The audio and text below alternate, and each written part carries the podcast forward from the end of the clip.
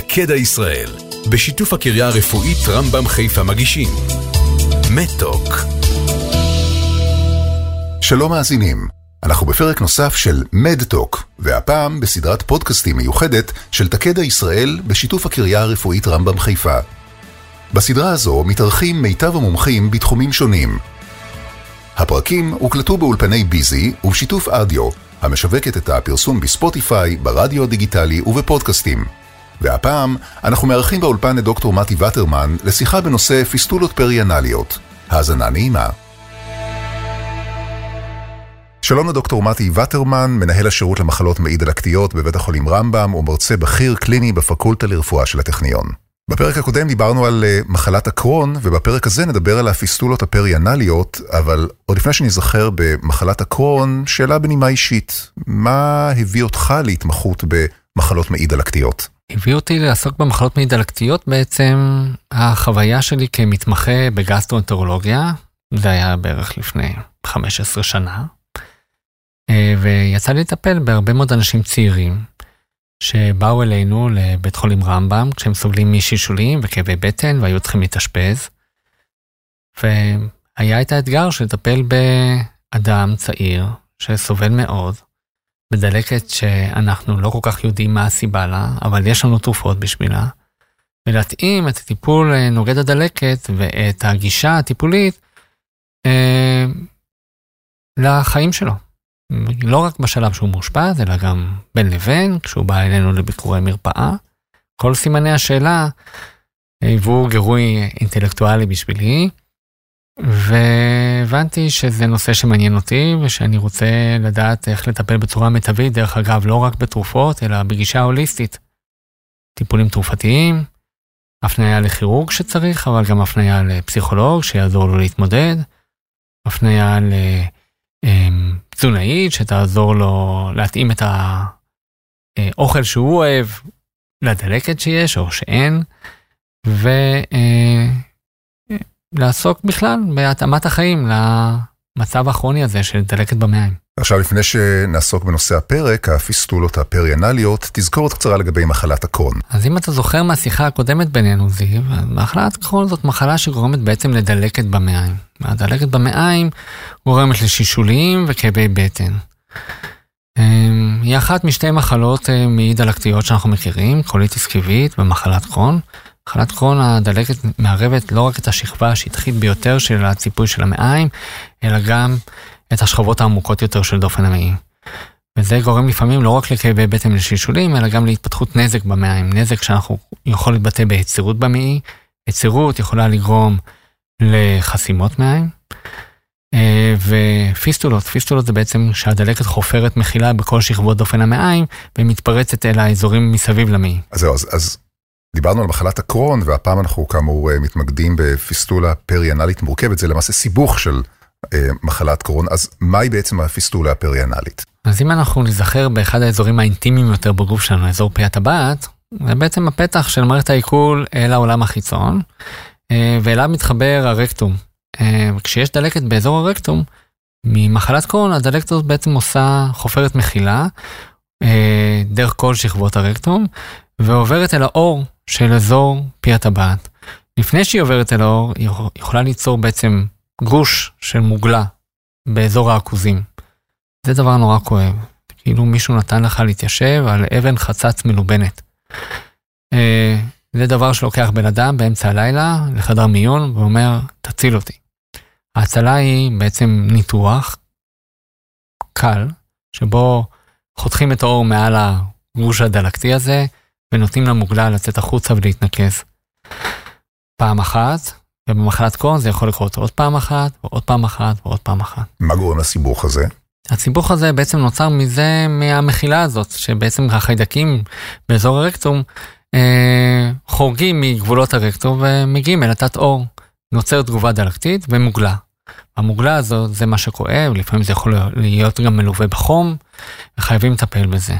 רק צריך לזכור, באזור פי הטבעת נמצאים, נמצאים השרירים של השסתום של אחראי על זה שנוכל ללכת לשירותים רק מתי שאנחנו רוצים, נוכל לשלוט על היציאות שלנו, ואם אנחנו כל הזמן נחתוך שם אה, אבססים שמתפתחים, אנחנו נגרום בעצם לפגיעה בשלמות של השריר הזה ולבריחת צואה. אז מה הטיפולים? הטיפולים קודם כל אה, צריכים להיות לנקז את המורסות האלה, ואם המורסות האלה מתפתח, מתפתחות לנתיב כרוני שמנקז מוגלה, מה שאנחנו קוראים לו פיסטולה, אז אנחנו צריכים לדאוג לזה שהנתיב הזה ייסגר.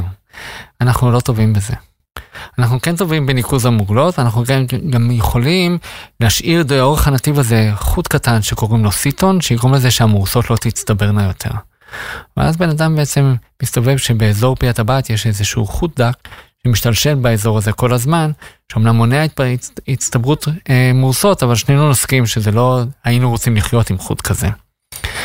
הדבר השני שצריך לעשות זה לטפל בדלקת ברקטום. זאת אומרת, אם לא יהיה נתיב פנימי לדלקת, אז גם לא יהיה נתיב חיצוני לדלקת. אז עם תרופות נוגדות דלקת, אנחנו יכולים להשתלט על הדלקת. זה הרבה פעמים כרוך במתן של תרופות ביולוגיות ממשפחת נוגדי ה-TNF, שיעילות בטיפול בדלקת באזור הזה. מה שיעורי ההצלחה של התרופות האלה? התרופות האלה יכולות להצליח בערך במקסימום 50% מהמקרים. זאת אומרת, לא מי יודע מה. אבל השילוב של כירורגיה, זאת אומרת, החוט הזה, והניקוז אה, אה, של נתיב הפיסטולה כמו שצריך, והתרופות האלה יכול להביא להצלחה בעד 50% מהמקרים לטווח הארוך. גם כן לא משהו.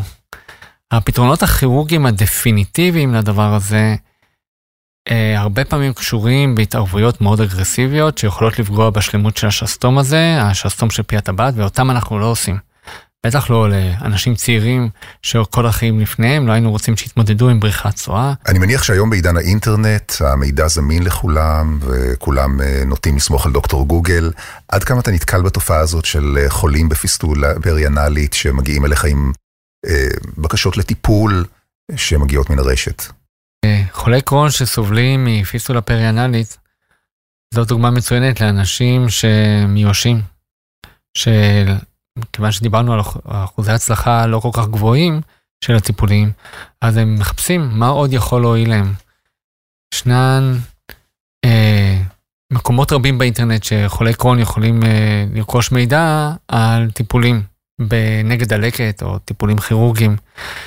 הבעיה היא שהמקורות האלה הרבה פעמים מוטים אה, מחוויות של מטופלים אה, ספציפיים, שחוו חוויה חיובית או לא חיובית, אל טיפולים שהם לאו דווקא מוכחים, החל משימוש במרפאים אה, נטורופטיים או תרכובות אה, שיש להם סגולות אנטי-דלקתיות אה, כמו קורקומין וכלה באנשים שפונים לכל מיני דיאטות שבעצם נועדו להקל על הסבל אבל יש בהם תמיד את הסיכון להתפתחות תת-תזונה אם אתה לא אוכל. איך מזהים אתר מהימן? מהו אתר מהימן? זאת שאלה מצוינת, אני חושב שזאת שאלת השאלות של כל בן אדם שבא לקרוא היום באינטרנט משהו. מהו פייק ניוז ומהו אמיתי. ועם הצפת המידע שקיימת היום באינטרנט, זאת שאלת השאלות. אני מניח שיש אתרים רשמיים שבהם מופיע מידע מוסמך ומהימן. אז באמת אה, חולה הקרוהן שבא לחפש אה, מידע מהימן, צריך לזכור שמידע מהימן תלוי במקורות. המקורות המהימנים הם המקורות של האיגודים המקצועיים לקרוהן ולקוליטיס, לכולם יש אתרים מותאמים לחולים בשפה אה, לא גבוהה או שפה מאוד רפואית, אלא בשפה יומיומית, שמסבירים על הטיפולים שקיימים, וגם לאגודות החולים אה, של קרון ולקוליטיס בארץ וגם ברחבי העולם יש אתרים מהימנים, אה, שבהם הם יכולים למצוא מידע שהוא לא מוטה, שהוא מהימן, שהוא נבדק כל הזמן לגבי האיכות שלו ושהוא מעודכן. אתה רואה במידע הזה שמגיע אה, מהרשת באמצעות החולים שלך סוג של איום או בעיה כשאתה ניגש למטופל? קודם כל אני רואה בו דבר יומיומי.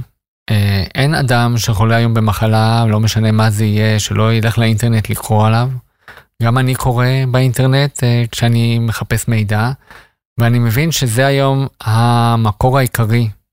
ובמקום איום צריך להסתכל עליו כאל הזדמנות. בעצם גם אנחנו ברמב"ם דאגנו שיהיה לנו אתר אינטרנט שיש בו מידע אמין ותקף ומעודכן. וכך צריך לעשות כל מטפל היום, אני חושב. צריך לדאוג לזה שלחולים שלו יש מקורות מידע מהימנים.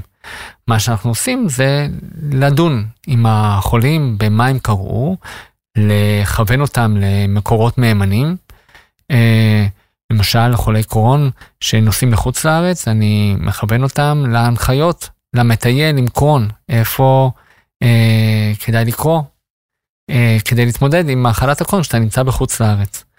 אה, לחולים עם מחלה פריאנלית, אני מפנה לאגודת החולים, ואני מפנה אה, אל דפי מידע שקיימים גם אצלנו וגם במקומות אחרים שמדברים על טיפולים אפשריים, על סיכויי הצלחה, על תופעות הלוואי. ודרך אגב יש בזה עוד הרבה עבודה שצריכה להיעשות, אבל האינטרנט זה גם הזדמנות, זה לאו דווקא איום. דוקטור מרטי וטרמן, מנהל השירות למחלות מעי דלקתיות בבית החולים רמב"ם, ומרצה בכיר קליני בפקולטה לרפואה של הטכניון. תודה על השיחה. תודה לך. עד כאן פרק נוסף בסדרת הפודקאסטים המיוחדת מדטוק של תקדה בשיתוף הקריה הרפואית רמב"ם חיפה. עוד בסדרה דוקטור נועה לביא על מיאלומה נפוצה, דוקטור נתי הורוביץ על לימפומות, דוקטור מור מושקוביץ' על אלק פוזיטיב, דוקטור טובה הרשקוביץ על מחלות נדירות, ופרק נוסף עם דוקטור מתי וטרמן על מחלות מעי דלקתיות והאמינות של דוקטור גוגל. אנחנו ממליצים לכם להאזין לפרקים נוספים עם מיטב הרופאים בישראל באפליקציית הפודקאסטים החביבה עליכם. ועד לפרק הבא, רק בריאות.